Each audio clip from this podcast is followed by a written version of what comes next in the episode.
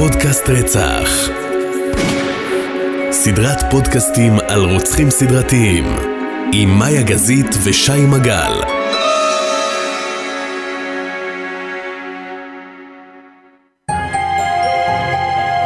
היי מאיה, היי שי, מה שלומך? בסדר, מה העניינים? מעולה, איך את? איך היה השבוע שהיה? היה אחלה שבוע, קיבלנו מלא תגובות אה, מהמאזינים שלנו, אנשים שאנחנו לא מכירים, כמעט כל יום לשבת ברמה יומית, אה, גם אתה וגם אני קיבלנו המון תגובות, וזה נורא משמח אותנו. האמת שהתחלנו עם זה לפני כמה חודשים, ולא חשבנו שזה יתפוס עד כדי כך. נכון. זה התחיל בתור פרויקט קצת שלך, ותפס לגמרי. נכון. אה, זו גם הזדמנות תודה, להגיד תודה לכל המאזינים שלנו. אה, אנחנו מקבלים הרבה פידבקים, אפילו אנשים מבקשים להשתתף. לדעתי זה יותר ממה שדמיינת, נכון? לגמרי, אה, לגמרי. אוקיי.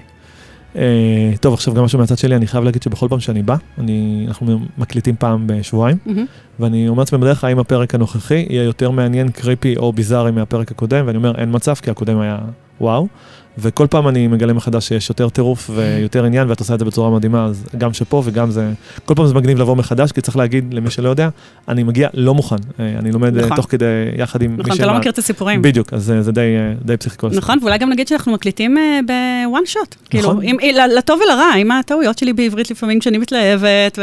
וואן שוט לגמרי, לדעתי ערכנו עד היום אולי שלוש שניות, כאילו באיזה תיקון שהצלתי אותך אה, מלשבת בכלא. נכון. אה, ואם כבר מקליטים, אז גם תודה לאולפני 5 Live מבית מימון ישיר, שמתארחים- שאנחנו מתארחים אצלם ועושים עבודת סאונד מדהימה. נכון. אז זהו, אז היום אה, יהיה לנו גם פרק, אבל זה פרק קצת אחר, שי. זה... את אומרת לי את זה כל פרק, זה לא, לא, לא, אני יודעת. זה הדרך שלך לעשות, אה, להנחית לכל המאזינים ולי, ואז לרגע, אבל סבבה, כן, סבבה. לא, פרק אבל- אחר אבל- ואחר. אבל- אמיתי, אחר ברמת הקצבים. בסדר, אוקיי. בוא נתחיל ככה. קודם כל זה פרק שמתרחש בשנות, ה- זה סיפור משנות ה-40. מה, לא עולה לי להגיד לך, גם כשתדברי על הדבר הכי בנאלי, עם הקצב שלך זה נראה מהיר, אז הכל טוב. אוקיי, בסדר, אבל בכל זאת, זה זה סיפור... היה מש- פרגון, זה היה פרגון. חי, בסדר, חי, חי. בסדר, בסדר, ותודה. אה, זה סיפור משנות ה-40, וזה סיפור על אה, זוג. היום אנחנו נדבר על אה, זוג רוצחים. אה, מגניב. כן. אה, מלחמת העולם השנייה? כן, סוף מלחמת העולם השנייה, אנחנו מתחילים את הסיפור שלנו ב-1949, וזה בעצם סיפור על אהבה, שי. זה סיפור מאוד מעניין, זה סיפור על אנשים שככה ממש אה, חיפשו אהבה, אנשים שצמאים לאהבה, שבגלל אהבה הם גם מתעוורים, שמוכנים לרצוח בגלל אהבה, ומוכנים גם אה, להרוג אה, ולמות. וואלה. כן, אה, אז זה סיפור מעניין. אה, וזהו, ב- בעצם אה, הסיפור שלנו, כמו שאמרתי, הוא מתחיל אה, משנות ה-40, אבל לפני שאנחנו מתחילים אה, לדבר עליו, אני רוצה שתקריא איזשהו אה, כמה משפטים שהכוכבת הפרק שלנו אמרה. מה זה משנה מי השם? הסיפור שלי הוא סיפור אהבה. אבל רק מי שעבר עינויים מאהבה יכול להבין למה אני מתכוונת. הצטיירתי כאישה שמנה וחסרת רגשות. אני לא חסרת רגשות, אני לא טיפשה ואני לא מטומטמת. בהיסטוריה של העולם, כמה פשעים יוחסו לאהבה. שקספירי ממש. כן, אה, אנחנו אולי נקריא את זה גם בסוף הפרק, כדי אה, שזה יקבל קצת אה, אולי זווית אחרת. אה, אז הסיפור שלנו, כמו שאמרתי, סוף שנות 40, העולם יצא ממלחמת העולם השנייה. אה, מיליונים איבדו את האנשים שיקרים להם ואהובים להם, אתה יודע, בעלים, ראיות, אחים, אחיות, בנים, בנות. וכתוצאה מזה, הרבה חיפשו אהבה. הרבה רצו אה, לשקם את החיים שלהם, לבנות את החיים שלהם מחדש, להכיר אה, בעצם זוגיות חדשה. ואז לא היה טינדר או OkCupid, או Me. או Me, נכון. הייתה, בעצם היה פורמט אחר, שקראו לו מועדון ה-Lonely Hearts Club, שתכל'ס זה היה עיתון שי, שבעצם אנשים... היה מדור בעיתון בטח. זה המדור בעיתון, שאנשים אה, פרסמו שם אה, מודעות היכרות, כל אחד אה, ככה סיפר על עצמו בכמה משפטים, ואנשים התכתבו בדואר, ועל ידי זה בעצם ככה הם אה, הכירו. אה, נוצרו המון אה, זוגות, וממש אה, משפחות חדשות אה, שנבנו מחדש אה, כתוצאה מההיכרות הזאת באמצעות הפורמט, אבל לא הכל היה לוי דווי ויופי טופי, כי מה שקורה זה שבעצם אה, הרבה נשים אה, שהיה להם החלום שלהם אה, למצוא אה, זוגיות חדשה ואהבה חדשה, החלום הזה התנפץ, כי בעצם במפגש של נשים אה, בודדות עם גברים זרים, הביא לא פעם לסיטואציה שהם פשוט הפכו להיות אה, קורבנות, קורבנות לאונס או קורבנות אה, לשוד, ובמקרה שנדבר עליו היום בפרק, גם קורבנות לרצח. אוקיי. אז התחלנו. זה סיפור מעניין, ואנחנו, כמו שאמרתי, אנחנו מתחילים בינואר 1949, כשאישה בשם מרי אה, מאוד התרגשה לקראת המפגש שלה עם רגע, רגע, תמקמי אותנו על הגלובוס? ניו יורק. ניו יורק. אוקיי. אישה בשם מרי מאוד התרגשה לקראת המפגש עם האימא החורגת שלה, אישה בשם ג'נט פיי. למעשה, אבא של מרי נפטר כמה שנים לפני כן, ג'נט, אה, אה, ג'נט אה, התאלמנה, אבל uh, מרי נשארה בקשר עם אשתו של אביה, כי היא למעשה כל השנים גידלה אותה, והיא הייתה איתה בקשר ומאוד אהבה אותה. ג'נט הייתה מאוד uh, בודדה אחרי המוות uh, של uh, בעלה, והיא נורא רצתה להיות בזוגיות ונורא רצתה למצוא אהבה. וכשהיא אמרה למרי, כשהיא תגיע למפגש יחד עם האהבה החדשה שלה, אז ככה מרי נורא שמחה, נורא שמחה לפרגן לה ולדעת שיש לה בן זוג שהיא חיכתה לו, בעצם ציפ, ציפתה לאהבה הזאת הרבה זמן. והיא מספרת לה שלאהבה הזאת זה בחור שקוראים לו צ'ארלס מרטין, ושהיא תגיע איתו היום למפגש. והם באמת מגיעים למפגש, ומרי uh, פוגשת את צ'ארלס, ונראה שהיא, וג'נט uh, uh, וצ'ארלס פשוט מאוהבים, שי. הם מספרים, הם איך הכירו, הם מספרים שצ'ארלס הגיע במיוחד לניו יורק כדי להגיע, אה, להכיר את uh, ג'נט. הם מספרים איך ג'נט הכירה אותו, הכירה את צ'ארלס בעצם לכל החברים שלה, וכמה נהדר להם וכמה הם מאושרים, והכל ככה נראה ממש טוב. וכשמרי מסתכלת מהצד, אז היא אומרת שנראה לה שצ'ארלס נראה אחלה גבר. קודם כל הוא הגיע למפגש עם אחותו. זאת אומרת, כל הנסיעה לניו יורק הוא הגיע עם אחותו. שנייה פותחת סוגריים, שנות ה-40, לא מקובל שגבר ואישה שהם לא נשואים גרים ביחד, או שגבר זר יתארח אצל מישהי שהיא לא נשואה או אלמנה, אז הוא הגיע יחד עם אחותו למפגש, וזה ככה ראוי וזה לזכותו. והיא רואה שהוא אחלה גבר, הוא איש עסקים, הוא uh, עבד uh, וכמה uh, שנים טובות בספרד, הוא כזה איש העולם הגדול, אבל משהו הרגיש לה... לא, היה לה קשה, אתה יודע, לשים את האצבע ולהגיד מה לא מסתדר כאן, משהו לא הסתדר לה בקשר בינה לבינו. היא לא ידעה בשלב הזה להגיד מה הבעיה, אבל יש משהו אחד שנורא בלט לעין. ג'נט הייתה אישה בת 66, וצ'ארלס מרטין היה גבר בשנות ה-30, למעשה היה בן 35, היה בן פער, של, אה, פער גילאים של 31 שנה, מה שלא ממש היה מקובל בשנות ה-40. גם היום זה לא בהכרח היום. נכון, אוקיי.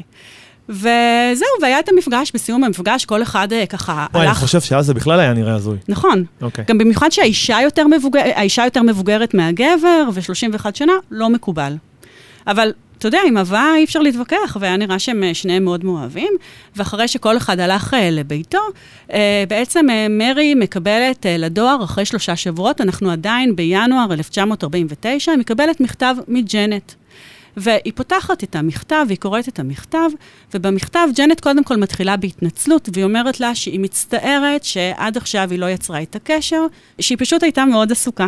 אה, שהיא בעצם אה, מטיילת אה, בכל מיני מקומות, והיא רואה מקומות חדשים. היא מספרת לה שהיא מאוהבת, ושנורא כיף לה עם צ'ארלס, ולמעשה היא מספרת לה שצ'ארלס הציע לה נישואים, ושהיא הסכימה, ובקרוב היא הולכת להיות גברת מרטין, ושהיא עושה שופינג, והכל כזה נשמע מאוד ורוד מהמכתב, והיא גם תוך כדי, היא מבקשת ממנה אה, טובה, שהיא תפנה לבנק שבו היא מנהלת את חשבון הבנק שלה, ושהיא תבקש מהבנק לשחרר חשבון, אה, חיסכון שיש לה בבנק. עכשיו, מרי קוראת את המכתב הזה, אומרת, רגע, משהו כאן לא מסתדר לי, ולא רק בגלל העניין של חשבון הבנק. קודם כל, היא אומרת, זה מאוד לא מתאים לאופי של uh, ג'נט. ג'נט היא לא כזאת בחורה, היא הייתה אישה של uh, הכל אפינס והכל uh, מגניב, והחיים יפים וורודים, ואני מאוהבת ואני מאושרת. הסגנון של המכתב לא התאים לג'נט. דבר נוסף, גם היא וג'נט היו ביחסים אה, מאוד מאוד קרובים, היא אמרה שאם היא הייתה מתארסת, היא לא הייתה מודיעה לה על זה במכתב, היא בטח הייתה נפגשת איתה ומספרת לה על זה, אבל הדבר שהכי היה נראה למרי הזוי, זה שהמכתב לא היה כתוב בכתב יד, אלא היה מודפס במכונת כתיבה. רוצה להגיד, לא היא כתבה את זה. בדיוק. עכשיו, היא ידעה, אגב, בוודאות, שלג'נט אין uh, מכונת כתיבה בבית, וגם אם היה לה, כפי הנראה, היא לא הייתה יודעת איך להשתמש בזה, היום נראה לנו קצת מצחיק, כי כאילו, מה הבעיה להקליד, אבל כן, זה מורכב, ברור. בטח לאישה בת 66. ב-49. ב-49, נכון. ולכן uh, היא מבינה שיש כאן, uh, שיש כאן בעיה, והיא הולכת למשטרה. אה, וואלה. היא הולכת, כן, היא הולכת למשטרה, ולמעשה היא הולכת למשטרה במטרה לדווח על ג'נט כנעדרת.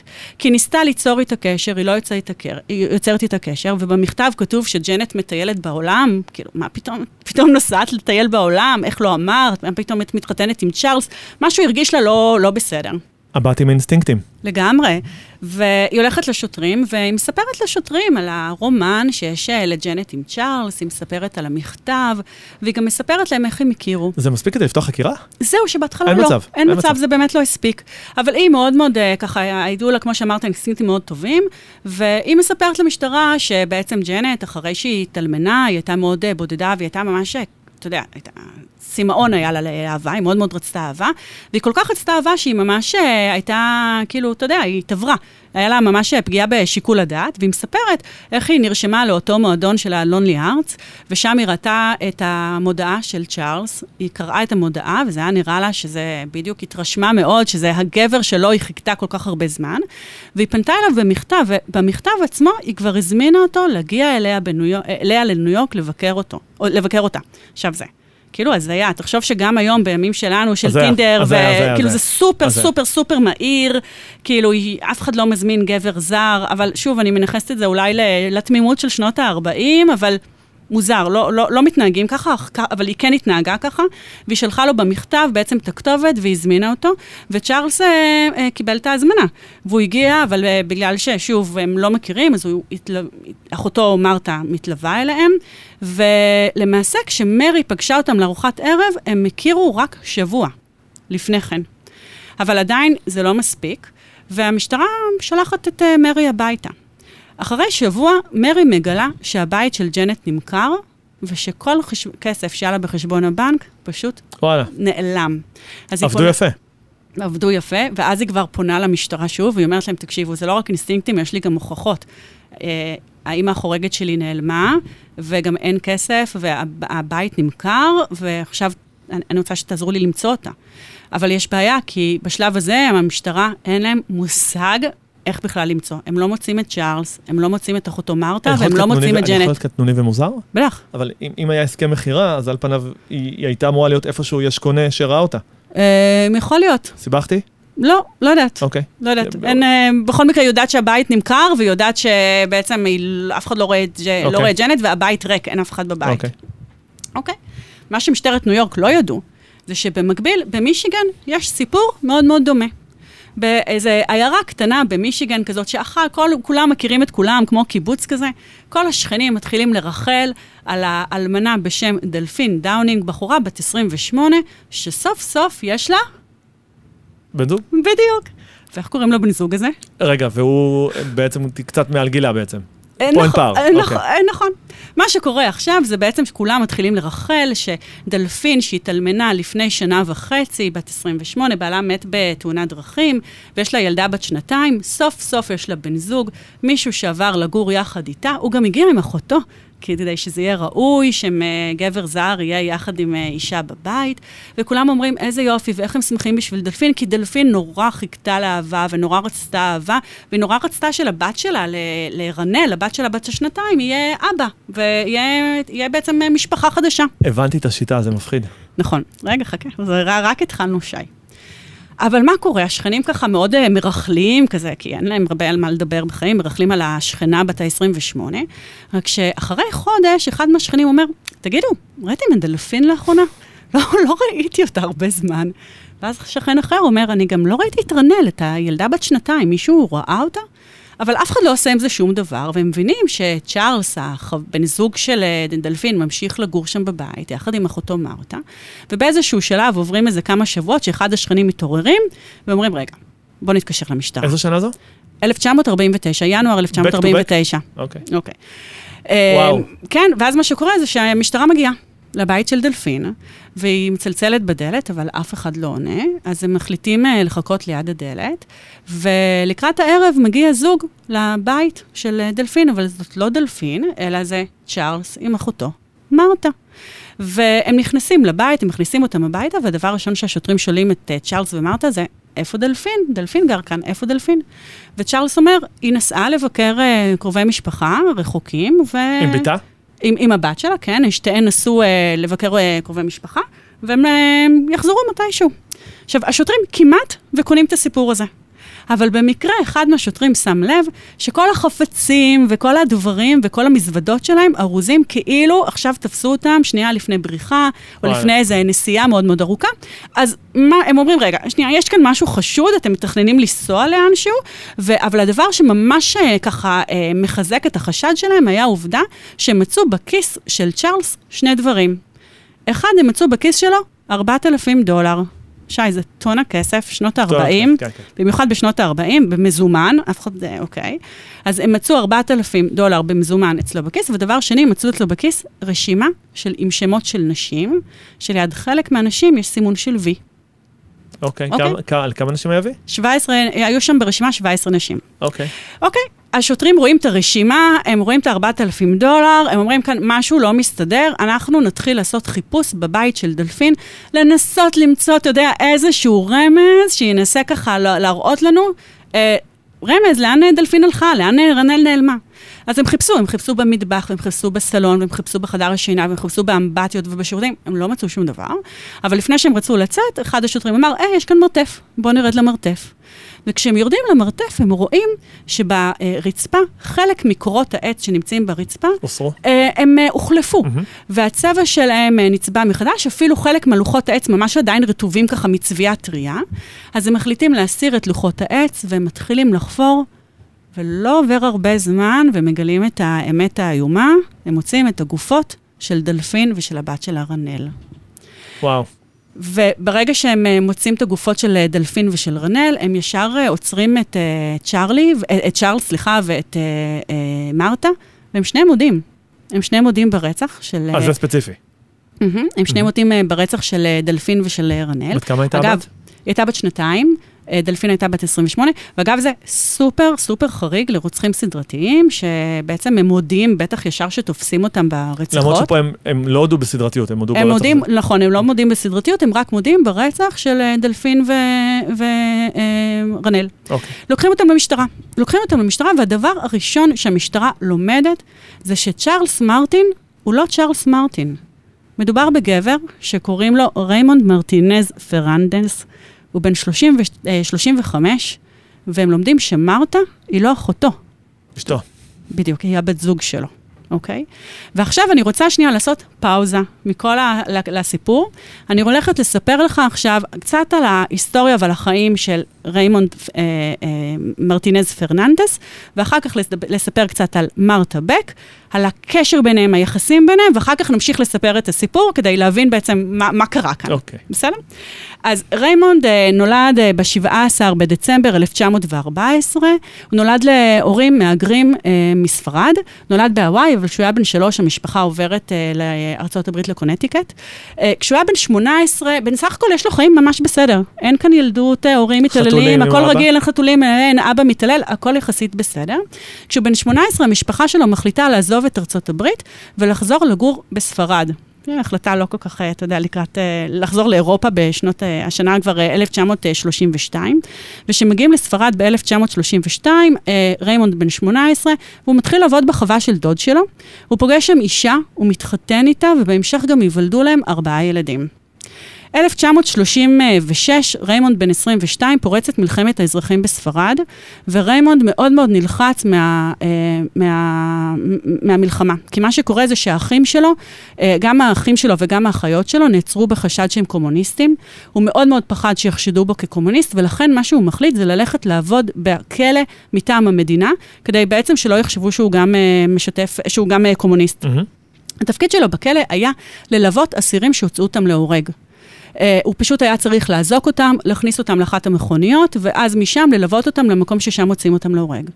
ויום אחד, uh, כשהוא תכנן uh, להכין את האסירים להוצאה להורג, הוא קולט ששני האסירים שם זה חברים שלו. וממש, הוא היה בסערת רגשות, והוא ממש בכה. Uh, הוא דמע והוא בכה, והוא נורא התרגש מזה שהוא צריך להוציא את החברים שלו להורג. ומי שקולט את זה זה המפקד שלו.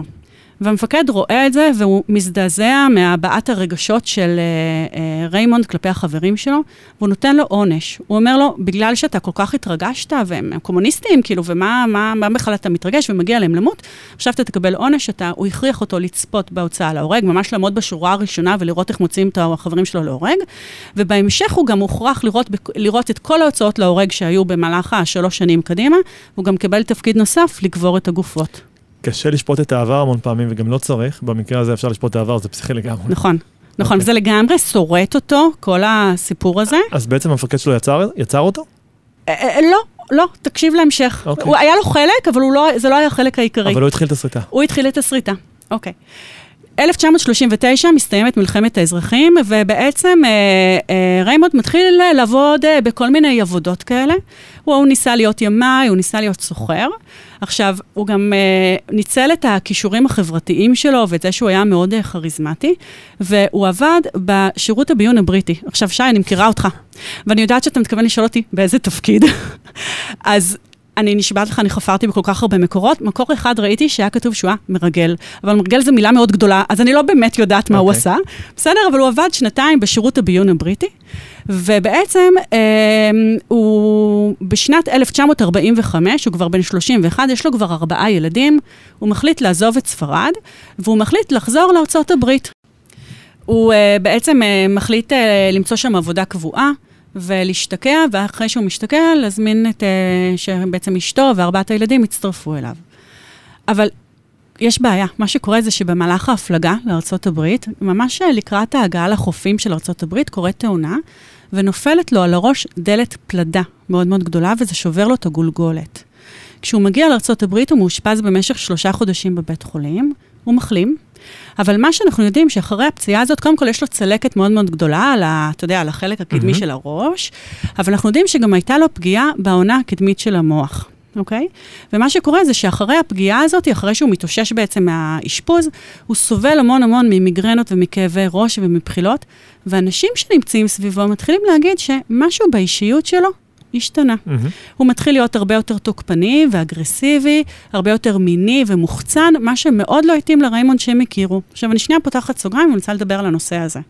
היום אנחנו בדיעבד יודעים שפגיעה באונה הפרונטלית של המוח יכולה לגרום ממש לשינוי של אישיות, mm-hmm. אוקיי? אנשים שהם שומרי חוק יכולים ממש להיות uh, פושעים, ובמקרה של ריימונד אני מניחה שזה שילוב של שני הדברים. קודם כל זה הטראומה של ההוצאה להורג, שמה שהיה במלחמת האזרחים בספרד, אבל חד משמעית זה גם הפגיעה בעונה הקדמית של המוח, כי תקשיב, הוא היה לגמרי, אה, כשהוא ראה את החברים שלו אה, שמוצאים אותם להורג, הוא בכה, זה הכי אמפתי שיש.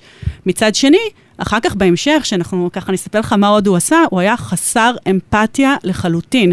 אז ממש האישיות שלו השתנה, מפחיד לדעת שזה מה שקורה, כן, נכון? כן, זה מדהים, כי עד עכשיו גם לא היה לנו, כאילו, מכל הרוצחים שסקרת נכון. עד עכשיו, לא היה משהו דומה לזה. נכון. את כאילו אומרת, זה לא באשמתו אפילו. נכון. זאת אומרת, שני האירועים האלה כמעט נכפו עליו. נכון. נכון, okay. זה, אוקיי. זה מפחיד. אה, אה, שוב, אני, זה לא... אני, אני כמעט, אי אפשר להסביר אותו, כן, אבל אני כמעט אמפתי לסיטואציה שהוא נקלע אליה. נכון, ומה שקורה זה שהוא ממש, אה, לא רק שאני אומרת שהאישיות שלו השתנתה, גם אחר כך, אחרי שיתפסו אותו, פסיכיאטר אבחן אותו ואמר שיש לו הפרעת אישיות אנטי-סוציאלית. בסדר, אבל זה כולם הם אמרו. אה, נכון, אבל תקשיב, שהוא לפני כן, היו לו ארבעה ילדים, הוא היה אבא מסור, הוא, הוא עבד עבודה... בוא, הוא עבד בשירות הביון הבריטי.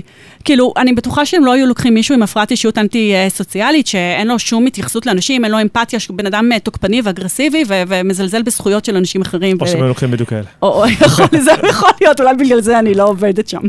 אוקיי, אז זה הסיפור. ואז מה שקרה זה שהוא מש... משתחרר מהבית חולים. והוא מתחיל לגנוב פתאום מחנויות. הוא uh, באיזשהו שלב, הוא גונב uh, בגדים מחנות, והוא נכנס לכלא, תופסים אותו, הוא נכנס לכלא לחמישה חודשים, ומכניסים אותו לכלא לתא יחד עם עוד מישהו שהאמין מאוד בוודו, והוא משהו אצל אותו uh, uh, ריימונד, מאמין שהוא כומר הוודו, ושיש לו כוחות על-טבעיים, ושהוא מסוגל, שי, לגרום לכל אישה להתאהב בו. הוא משתחרר מהכלא עם המחשבה הזאת שהוא יכול להקסים כל אישה שקיימת, ובשלב הזה הוא בכלל שכח שיש לו אישה, והוא שכח שיש לו ארבעה ילדים. וואו. הוא בטח לא התכוון אה, בכלל להזמין אותם לארה"ב, הוא בכלל ניתק איתם את הקשר, ואחרי משת... שהוא משתחרר מהכלא, הוא שם לעצמו מטרה. הוא הבין שיש עכשיו נשים, בעיקר uh, אלמנות, בודדות. בודדות, שרק רוצות להתאהב מישהו, רק מחפשות אהבה, רק מחפשות חום ומישהו שיעטוף אותן, והוא הגבר, אבל הוא לא באמת היה מעוניין ברומנטיקה, בוא, זה לא באמת סיפור אהבה. הוא לא היה מעוניין בזוגיות, הוא לא היה מעוניין ברומנטיקה, הוא גם לא היה מעוניין בסקס. הוא היה מעוניין בכסף שלהם. ובעצם היה לו ממש תוכנית ללכת, לכתוב מכתבים, להגיע לבחור, לאישה הזאת, לגרום לה להתאהב, להציע לה נישואים. שהיא תעביר אליו את הכספים שלו. אז הוא בעצם התחיל כמו נוכל הטינדר. בדיוק. Okay. אוקיי. התלבטתי אם להגיד את זה בהתחלה או לא, כן, אבל uh, רצ... לא רציתי לעשות ספוילר, אבל נוכל הטינדר, הטינדר לא ממש המציא את הפורמט. חד, משמעית. כן. גם לא נטפליקס. נכון. אוקיי. Okay. אז מה שקורה זה שהוא משתמש באותו uh, מועדון של ה-Lonely Hearts uh, Club, וככה הוא מכיר את מרתה. כי הוא בעצם אה, שולח לה מכתב. ועכשיו אני רוצה לספר לך על מרתה. בסדר? מרתה בק נולדה ב-6 במאי 1920, נולדה בפלורידה, והיא בעצם מגיל מאוד מאוד צעיר סבלה מהשמנת יתר והתבגרות מינית אה, מהירה. היא בעצם בגיל 10 כבר אנשים, אה, גברים ונערים, לא התייחסו אליה כמו לילדה, התייחסו אליה כאישה. והיא כל החיים הייתה ממש, אה, ממש סבלה מהשמנת היתר. היא uh, הייתה עמוסה ממש אה, לבריונות ולצחוק של הרבה הרבה אנשים. ראית תמונה שלה? כן, אני גם אעלה לקבוצת פייסבוק שלנו. היא הייתה גדולה או מאוד גדולה? אוביסיטי. אוקיי. כאילו, אוביס. בצד הקיצון? אוביס, היא הייתה, אוקיי. ענקית. בגיל 14, אה, היא עוברת אונס. אח שלה אונס אותה, והוא מאיים עליה שאם היא תגלה את האונס הזה למישהו, הוא יהרוג אותה. ומה שקורה זה שאחרי כמה חודשים היא לא מקבלת מחזור, והם מתחילים בחילות, ואימא. שלה מהר מאוד מבינה שהיא כנראה עברה אונס, ואתה יודע מה אימא שלה עשתה? תנחש. הפילה אותה בעצמה? היא, אתה, אתה מאוד מאוד קרוב. קודם כל היא הרביצה לה והאשימה אותה בזה שאח. שלה, אח שלה אה, אנס אותה. ברור, איך לא. והיא רקחה אה, אוי. שיקוי. שבשיקוי הזה היה טרפנטין, חלב מתוק ואבקת אה, שריפה. אל תנסו את זה בבית, כי זה אשכרה עובד. והיא נתנה לה? כן, היא נתנה לה את השיקוי הזה, והיא הפילה את, ה, את העובר. אני לא יודעת אם מהמכות היא הפילה את העובר, אני מניחה שזה זה, ולא מהשיקוי הזה שהיא עשתה, אבל אלה היו החיים שלה. בגיל 17, מרתה בק, אה, שהייתה נורא מסכנה בבית, אה, פשוט מחליטה לברוח מהבית ומצטרפת לקרקס הנודד, שפשוט אה, ניצל את הגודל שלה ואת המשקל שלה. נורא עצוב, מאיה. נכון. באמת, נורא עצוב. נכון, ובמשך שנה היא עובדת בקרקס הנודד הזה, כי כאילו, כמו exhibit כזה של, אה, לא יודעת. אוי, אה, ובגיל 18 היא מחליטה, זה אבל... מסוג אה, הדברים שהיו פעם וטוב שאין כבר. נכון. Uh, בגיל אה, 18 היא מחליטה אבל כן לקחת קצת את האחריות על החיים שלה, והיא מחליטה ללכת ללמוד, היא לומדת סיעוד, היא הופכת להיות אחות. היא מסיימת את הלימודים שלה בהצטיינות, אבל היא לא מצליחה למצוא עבודה. כי אנשים לא, בגלל שהיא נורא שמנה, אנשים לא רוצים uh, לקבל אותה לעבודה, למרות שהיא כנראה הייתה מאוד uh, מוכשרת, והיא סיימה בהצטיינות, ואין לה ברירה, אלא בסופו של דבר היא מוצאת עבודה בבית לוויות, ששם היא, אתה יודע, מכינה כאילו את הגופות לקראת, מהמם. uh, לטקס השכבה. Um, באיזשהו שלב אה, היא עוברת לקליפורניה, כי היא סוף סוף מוצאת עבודה במקצוע שלה, בבית חולים, שמוכן אה, להעסיק אותה כאחות. וכשהיא מגיעה לקליפורניה, היא פוגשת אה, חייל צעיר, היא שוכבת איתו והיא נכנסת להיריון, והיא מאושרת שיש לה מישהו ושהיא נכנסה להיריון. וכשהיא מספרת לחייל הצעיר הזה שהיא בהיריון ושהיא רוצה להתחתן, הוא מאיים ב- בהתאבדות. הוא כל כך לא רוצה להיות איתה בקשר, והוא כל כך לא רוצה להיות uh, קשור לתינוק שאמור להיוולד, שהוא מאיים שהוא יתאבד אם היא תעשה את זה.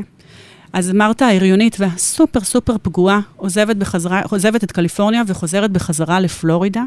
וכשהיא מגיעה לפלורידה, היא ממציאה סיפור לכל המשפחה ולחברים, והיא מספרת לכולם שההיריון זה מאיזשהו חייל שנמצא עכשיו אה, בחזית, והוא בעצם האבא של התינוק. ובאיזשהו שלב היא פשוט אה, שולחת לעצמה מברק, והיא כותבת במברק שהאבא של התינוק אה, נפל במלחמה, האבא המדומיין הזה של התינוק, בעצם. והיא בעצם אלמנה. אה, ובמהלך ההיריון שלה היא פוגשת אה, בחור אחר, מישהו בשם ארתור בק, הוא היה נהג אוטובוס, וממש עם הלידה של התינוק שלה, היא נכנסת שוב להיריון, הפעם מארתור בק, אבל הפעם שהיא מבקשת ממנו להתחתן, הוא מסכים ומתחתנים, אבל שי, הנישואים האלה לא מחזיקים הרבה זמן מעמד, הם uh, מתגרשים אחרי ארבעה חודשים, ככה שבעצם היא מוצאת את עצמה מאוד מהר, אימא צעירה, לבד, עם בעצם עם uh, שני uh, תינוקות מאוד מאוד קטנים. בשלב הזה היא עובדת בבית חולים בקליפורניה, והחבר'ה שעובדים איתה בעבודה, הצוות, מחליט אה, להסתלבט עליה, לעשות עליה צחוקים. וכשהם רוצים לעשות עליה צחוקים, הם פשוט רושמים אותה ל-Lonely Hearts אה, Club, והם אה, מפרסמים בשמה, מבלי שהיא ידעה בעצם את, ה, אה, את התיאור שלה. ומה שקורה זה שמי שרואה את זה, זה בעצם ריימונד. וככה בעצם נוצר החיבור. ריימונד רואה את המודעה שהחבר'ה מה, מה, מהמחלקה של מרתה פרסמו, ומה שקורה זה שלמרות שאמרת, היא לא הייתה בחורה, היא לא הייתה אישה טיפשה. היא הבינה שהצחוק והבדיחות הם, הם על חשבונה. מצד שני, היא פתאום התחילה לקבל מכתבים מגבר, מאותו אה, ריימונד אה, פרננדס, וזה עשה לה טוב, כי פתאום מישהו אה, מעוניין בה. ומה שקורה בפועל זה שבאמת הם נפגשים פנים מול פנים בדצמבר 1947, אחרי תקופה אה, לא, לא, לא קצרה של, של החלפת מכתבים, והוא נמצא אצלה בבית במשך ארבעה ימים, ויש שי רומן סוער. היא ישר מתאהבת בו, הוא מאוד מתאהב בה, אבל אחרי ארבעה ימים הוא חותך, הוא אומר לה, תקשיבי, אני צריך לחזור הביתה. כי מה קורה אחרי ארבעה ימים? אחרי ארבעה ימים הוא מגלה שאין לה כסף. אז כאילו, הוא לא צריך להמשיך לשחק את המשחק שהוא מתאהב בה, והוא חוזר לניו יורק. עכשיו, מרתה הייתה שבורה, כי היא ממש האמינה שזה הגבר שאולי חיכתה לו כל החיים. היא כל כך הייתה שבורה שהיא ניסתה להתאבד, אבל היא לא הצליחה. ובאיזשהו שלב היא אמרה, אני לא מוכנה לוותר על אהבה, הוא הגבר של חיי, אני לא מוכנה לוותר על האהבה הזאת. והיא פשוט לוקחת את עצמה ואת שני הילדים הקטנים וטסה מפלורידה לניו יורק, ופשוט יום אחד דופקת בדלת בבית של ריימונד ואומרת לו, הגעתי. עם שני ילדיי. עם שני הילדים. ריימונד רואה את זה, וקודם כל הוא מבסוט מהתעוזה. הוא אומר, וואי, כאילו, סחטיין עליה שהיא עשתה את זה. אבל הוא אומר לה, תקשיבי, לא, לא מתאים לי השני ילדים. אם את רוצה להיות איתי, את צריכה להתפט... להתפטר מהם. אז מה היא עושה? אני לא רוצה לשאול.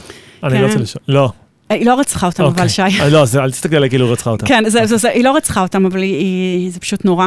היא לוקחת אותם אה, לחצר של כנסייה אה, שהייתה באזור, והיא אומרת להם, תחכו לי כאן אה, בחצר, אני הולכת לקנות לכם ממתקים, ואני אומרת, תחזור, והיא לא חזרה עד עצם היום הזה. פשוט נטשה אותם. והיא חוזרת הביתה. כשדיברת מקודם, היו לי כמה שלבים שממש ריחמתי עליה. כן, עכשיו כבר כדי- פחות. לא, רגע, ותוך כדי כל זה נזכרתי לעצמי שהיא והוא רצחו לפחות בת אחת, לפי מה שסיפרתי לי עד עכשיו, בת שנתיים. נכון, אז כל זה נטרל לי. אבל אוקיי, וואו. נכון. עכשיו, היא חוזרת הביתה לריימונד, והיא מספרת שהיא נטשה את הילדים שלה, לבקשתו. לבקשתו, והוא היה מבסוט. מאושר. מאושר, וואו. אה, הוא, עכשיו, תכלס, זה היה מבחן נאמנות. זה מה שהוא עשה. הוא רצה לראות אם היא מסוגלת בעצם לעשות את זה. וואנס הוא ראה שהיא מסוגלת לעשות את זה, הוא אמר, רגע, היה יותר קל לשים תליון. נכון. עכשיו, הוא אומר, רגע, אם היא עשתה את זה, אז אני יכול לגלות לה את האמת, והוא בעצם משתף אותה בתרמית? שלו. באמת? כן, כי הוא יכול לסמוך עליה. בואי, היא ויתרה על הילדים שלה למענו, אז היא גם תשמור עליו. ואז הוא אומר לה, תקשיבי, כשכתבתי לך את המכתבים, לא באמת חיפשתי זוגיות. אני לא מחפש זוגיות, אני לא, לא מעוניין באהבה, אני לא מעוניין בזה, אבל תדעי שאני עכשיו ממקבל במכתבים עם uh, מספר אנשים, וכל מה שאני רוצה לעשות זה לגנוב להם את הכסף. עכשיו, היא, במקום להזדעזע, נגיד אם מישהו היה מספר לי דבר כזה, כאילו, היא לא הזדעזעה, לא רק שהיא לא הזדעזעה, היא אמרה לו, אני אעזור לך. אני אשתף פעולה, אני אתחזה להיות אחותך, וככה זה בעצם ייראה יותר אמין, כדי שזה ייתן ביטחון לאותן נשים. היא היא הייתה הווטסון שלו. נכון, אוקיי. בדיוק. אמ, ו- ו- וזהו, וזה הסיפור, ככה, זה, זה, זה, זה היה הקשר ביניהם. עכשיו, היא כל כך אהבה אותו, שנייה שאני יודעת שאתה רוצה להגיד משהו, היא כל כך אהבה אותו, היא כל כך הייתה עיוורת, היא ידעה, הוא גם אמר לה את זה, הוא אמר לה, תקשיבי, אני מחזר אחרי נשים, יהיה מגע, אני גם אשכב עם נשים, אני אחזר אחריהם. עכשיו, היא ידעה את זה, היא ידעה את זה, אבל היא הייתה, היא כל כך רצתה להיות בחברה שלו, שבוא, היא הייתה מוכנה לוותר על הילדים שלה, אז היא גם הייתה, היא הייתה מוכנה לעשות הכל כדי לשמור על ריימונד, כדי להיות ל- לידו, וזאת בעצם הייתה מערכת היחסים ביניהם. אם, אם מזקקים עד עכשיו את זה לכותרות, אז יש פה גבר עם מפקד שהתעלל בו, או בוס שהתעלל בו. ופגיעה פרונטל, ופגיעה- בעונה הפרונטלית, פגיעה בעונה הפרונטלית במהלך קרוז שנפל עליו משהו. נכון, אישה עם סיפור חיים נוראי, נכון. שנאנסה על ידי אחיה, עם אימא מהגיהנום, והחברים של אותה אישה שיצרו את החיבור הקוסמי הזה ביניהם. זה נכון. מטורף. באמת, אם מסתכלים על זה שנייה ברמת כותרות של אה, ענן תגיות, זה נכון. פסיכי, זה פסיכי. נכון. אוקיי. אז עכשיו אנחנו עוד מכירים את הדמויות בסיפור שלנו, ואני שנייה חוזרת בחזרה לסיפור של השוטרים. אתה זוכר, הם עצרו את... אה, מרתה, גילו ש... נכון, מצאו את הגופות של, אה, דר, של אה, דלפין ו, ואת הבת שלה רנל, ובעצם הם מבקשים עכשיו מריימונד וממרתה לספר מה קרה. והם מספרים, ריימונד אומר, תקשיבו, בהתחלה עם דלפין הכל הלך לפי התוכנית. היא, אנחנו הגענו, היא ישר התאהבה בי, אני הצעתי לה נישואים, היא ישר הסכימה, אה, היא ישר הסכימה, הכל הלך מעולה. אבל היא, פתאום היא הייתה מאוד מאוד קרובה לגלות את התרמית. עכשיו, מה שקרה, אתה זוכר שאמרנו שהוא נפגע עם הדלת פלדה והיה לו צלקת מאוד גדולה על המצח? אבל לצ'ארלס לא הייתה צלקת, למה? בגלל שכשהוא, ממש הייתה לו פרסונה, זאת אומרת, הוא מאוד האמין, הוא, הוא תחזק את הפרסונה הזה של צ'ארלס, ובעצם כשהוא היה צ'ארלס, הוא חבש פאה. ובעצם הוא גרם לאנשים להתאהב בגבר גבוה עם שיער שחור אה, שופע, בעוד שריימונד היה אומנם גבוה, אבל עם אה, קרחת וצלקת. ומה שקרה זה שיום אחד אה, דלפין נכנסה לחדר האמבטיה, גילתה. וראתה אותו בלי הפאה, והייתה בשוק. כאילו, בוא'נה, זה לא הגבר שהתאהבה בו, דבר אחד. דבר שני, היא אומרת לעצמה, רגע, אם הוא הסתיר מעצמו, היא הסתיר... מה עוד הסתיר ממני? בדיוק, מה עוד הוא הסתיר? והיא התחילה לשאול שאלות. עכשיו, ריימונד הבין שהיא כנראה עוד שנייה עולה עליהם, עולה על התרמית, והוא הבין שהוא חייב עכשיו אה, לחשוב מהר ולראות איך הוא פותר את הדבר הזה. אבל האמת שמי שהביאה בסופו של דבר את הפתרון, זאת בכלל הייתה מרתה. כי מסתבר שבאותו יום, בשעות אחר הצהריים, דלפין שיתפה אותה בהתרגשות מאוד מאוד גדולה שהיא חושבת שהיא בהיריון מריימונד. והיא נורא שמ- שמחה. אבל מי שלא שמחה, זאת הייתה מרתה. אז מרתה אמרה לה, את זוכרת שאני אחות, נכון? אני אתן לך כדורים שככה... יעזרו להיריון? שיעזרו להיריון, לך ולעובר שלך. והיא נתנה לה את מה שהיא קיבלה? היא, היא, היא נתנה לה כדורי שינה במינון יתר, וזה גרם לה לאובדן הכרה. ואחרי שאיבדה את ההכרה, פשוט אה, הגיע ריימונד, והוא ירה בה עם אקדח של אה, בעלה לשעבר, והוא הורג אותה. עכשיו, מה שקורה זה שנשארה ילדה בת השנתיים. רנל. עכשיו, הם לא הורגים אותה ישר. הם בהתחלה משאירים אותה. לגדל אותה? הם משאירים אותה.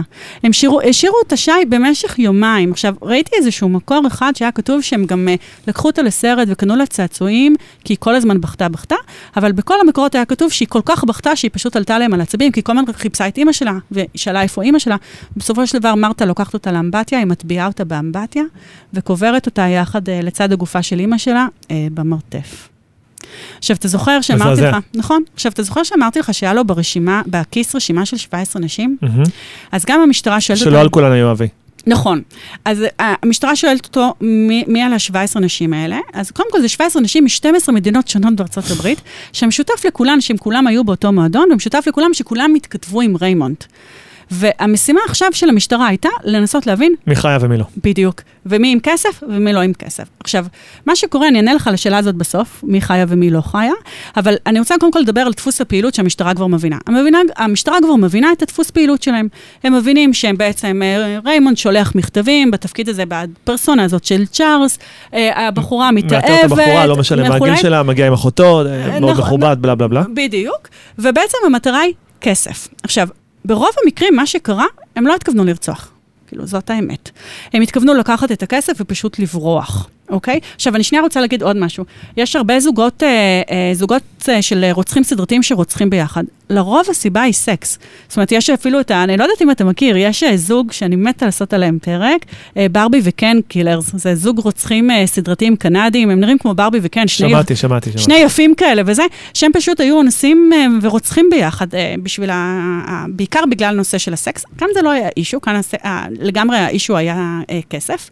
ומה שקרה זה שהם לרוב פשוט לקחו את הכסף, ברחו, ואנשים היו כל כך אה, מושפלות ו- ופגועות שהם התביישו, אה, פשוט הת- התביישו להתלונן למשטרה. אבל בכל זאת אנחנו יודעים שהיו נשים שכן נרצחו. אז המשטרה ניסתה להבין, רגע, אז את- איך החלטתם את מי לרצוח ואת מי לא לרצוח? והם אמרו את זה בצורה מאוד מאוד ברורה. או שרצחנו נשים שהתחילו לגלות את התרמית, שכמעט עלו עלינו, כמו למשל דלפין, או שזה אנשים שמרתה הרגישה שהן מאיימות עליה. בול, שי, בול. אוקיי? או שהן היו יפות מדי, או שהן היו, אה, אה, ריימונד נמשך אליהן מדי, או שהן אה, התקרבו יותר מדי לריימונד. וכשהיא הרגישה שהיא מאוימת, בסופו של דבר זה נגמר במוות. כשהתחלתי את הסיפור זה היה נראה שהוא המוביל והיא מובלת בעל כורחה. הפוך. כבר לא בטוח בשלב מסוים מי, מי רוצה מה. לדעתי זה הפוך. לדעתי זאת מרתה זאת שהובילה. היא פשוט אה, כל כך הייתה באובססיה על אהבה לריימונד, ואני לא יודעת אם זה נקרא עיוורון, אבל היא, היא, היא, היא זאת שהובילה את הכל. היא זו, לגמרי זאת שהובילה את הכל. ואז, אתה זוכר שהתחלנו את הסיפור בכלל עם ג'נט פיי, עם אותה גברת. בת 66? מה קרה שם הסיפור? שם מה שקרה זה שבאמת בערב שבו אה, הם נפגשו כולם אה, לארוחה, אה, צ'ארלס, צ'ארלס, שבעצם היום זה, אנחנו יודעים שזה ריימונד, הוא הציע לה נישואים והסכימה. ובלילה מרתה הלכה לסלון, ופתאום היא ראתה את ג'נט שוכבת שם ערומה, מחכה לארוס שלה. עכשיו, מרתה ראתה את זה והיא קיבלה את ה... עלה לאדם. מה זה עלה לאדם? והתחילה לקלל אותה, והיא לגמרי שכחה, אה, שכחה מהמשחק אה, שהיא אמורה לשחק. וג'נט, אולי, אני חושבת שעשתה פשוט את אה, טעות חייה, היא פשוט אה, קמה והיא סתרה למרתה. היא אמרה לה, את לא תקללי איתי, אה, את לא תקללי אותי, את אחות של הארוס שלי, ותדעי שביום שאני והוא מתחתנים, את לא... בדיוק, את לא נשארת פה. בזה היא סיימה את חייה. בדיוק, היא פשוט לקחה פטיש וריסקה לה, ב, ב, ב, פשוט, ב, אתה יודע, בזעם כזה של, של עצבים, פשוט ריסקה לה את הראש. ו... אבל אחר כך הגיע אה, ריימונד, ובעצם היא לא מתה, מה... היא נורא נפצעה מה... מה... מהפטיש. מכות, מהמכות, כן, אבל הוא, הוא זה שבסוף אחר כך חנק אותה. אז נגיד, זה מקרה שהיא פשוט הרגישה שהיא מאיימת עליה. כמה סך הכל? יופי. אז זה תלוי את מי שואלים. ריימונד אמר שהוא רצח בין 17 ל-20 נשים, תלוי. באיזה מקורות מסתכלים. אה, מרתה אמרה שדובר רק על שלוש נשים, זאת אומרת, על ג'נט, על ג'נט פיי, על דלפין ועל רנל, הילדה בת השנתיים. את ה-17 הוא ייחס לזוגיות שלו איתה עוד לפני. לא, היה, היה רצח אחד שהוא עשה לפני, okay. אוקיי. לפני מרתה, אה, שהוא עוד היה ב, אה, אה, במקום אחר, אבל זה לפני שהוא הכיר את מרתה. ומה שקרה זה שמשטרת מישיגן זה אומר שהיא לא באמת הובילה אותו, הם שניהם הובילו אחד את השני. הם הם יצרו... היה שם אה, זוגיות אה, כזאת רעילה אה, לשני של... אה, הכיוונים. כן, אוקיי. כן.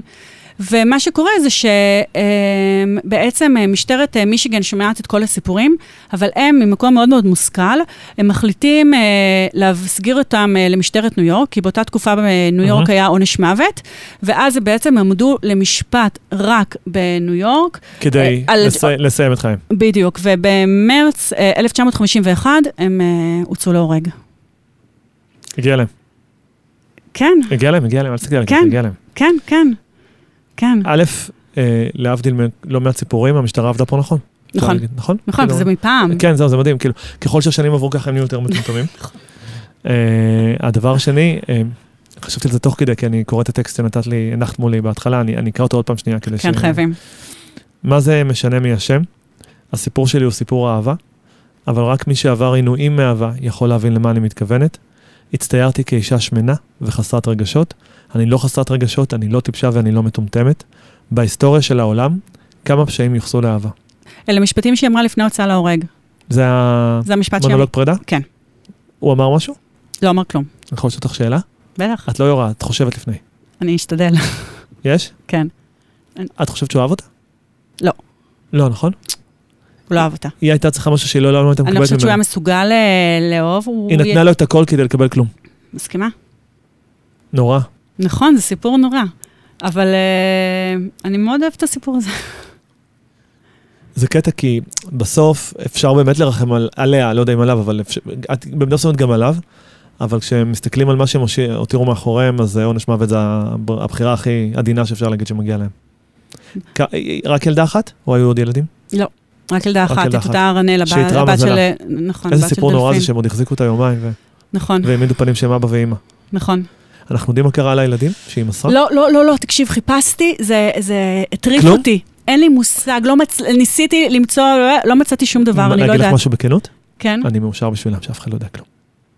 כן. אם היו יודעים, מה היה עוזר להם? כי, נכון, חיים חדשים, שמות חדשים, fuck it. נכון. אין, אין שום... צודק. אני שמח שאת לא יודעת כלום, שאף אחד לא יודע כלום. אה, טוב, יש לנו שיעורי בית. מהמם. את צריכה לגלות מה עושה ב-MI6. שמה? מה עושה ב-MI6? בביון הבריטי. אני אומרת לך, אני ניסיתי לחפש, היה כתוב שהוא היה מרגל, אבל לא יודעת, מרגל זה משהו אז, מאוד אז מאוד בוא נעשה את גדול. זה ככה, למאזיננו, אה, מי שינחש נכונה, או יגלה נכונה יותר נכון, אה, יקבל ממך אה, כוס? כן. יאללה, סגור. לא תכננתי את זה במקור, נכון? לא, לא, לא. טוב, איך לסכם? שתעשו הסכם ממון לפני שאתם אה, מתאהבים אה, תוך שבוע ומתחתנים. ואם אתם מגלים ביום שאחרי שיש לו פאה והוא לא אמר את זה לפני, או שפה כדאי מוזר. שתגלו את זה לפני, אבל. כן, לגמרי. ובעיקר, בעיקר שאהבה שווה הרבה דברים, אבל היא לא שווה את השטויות האלה. חד משמעית. עד הפעם הבאה. עד הפעם הבאה. מאיה, תודה. תודה לך, תודה שהקשבת. ביי.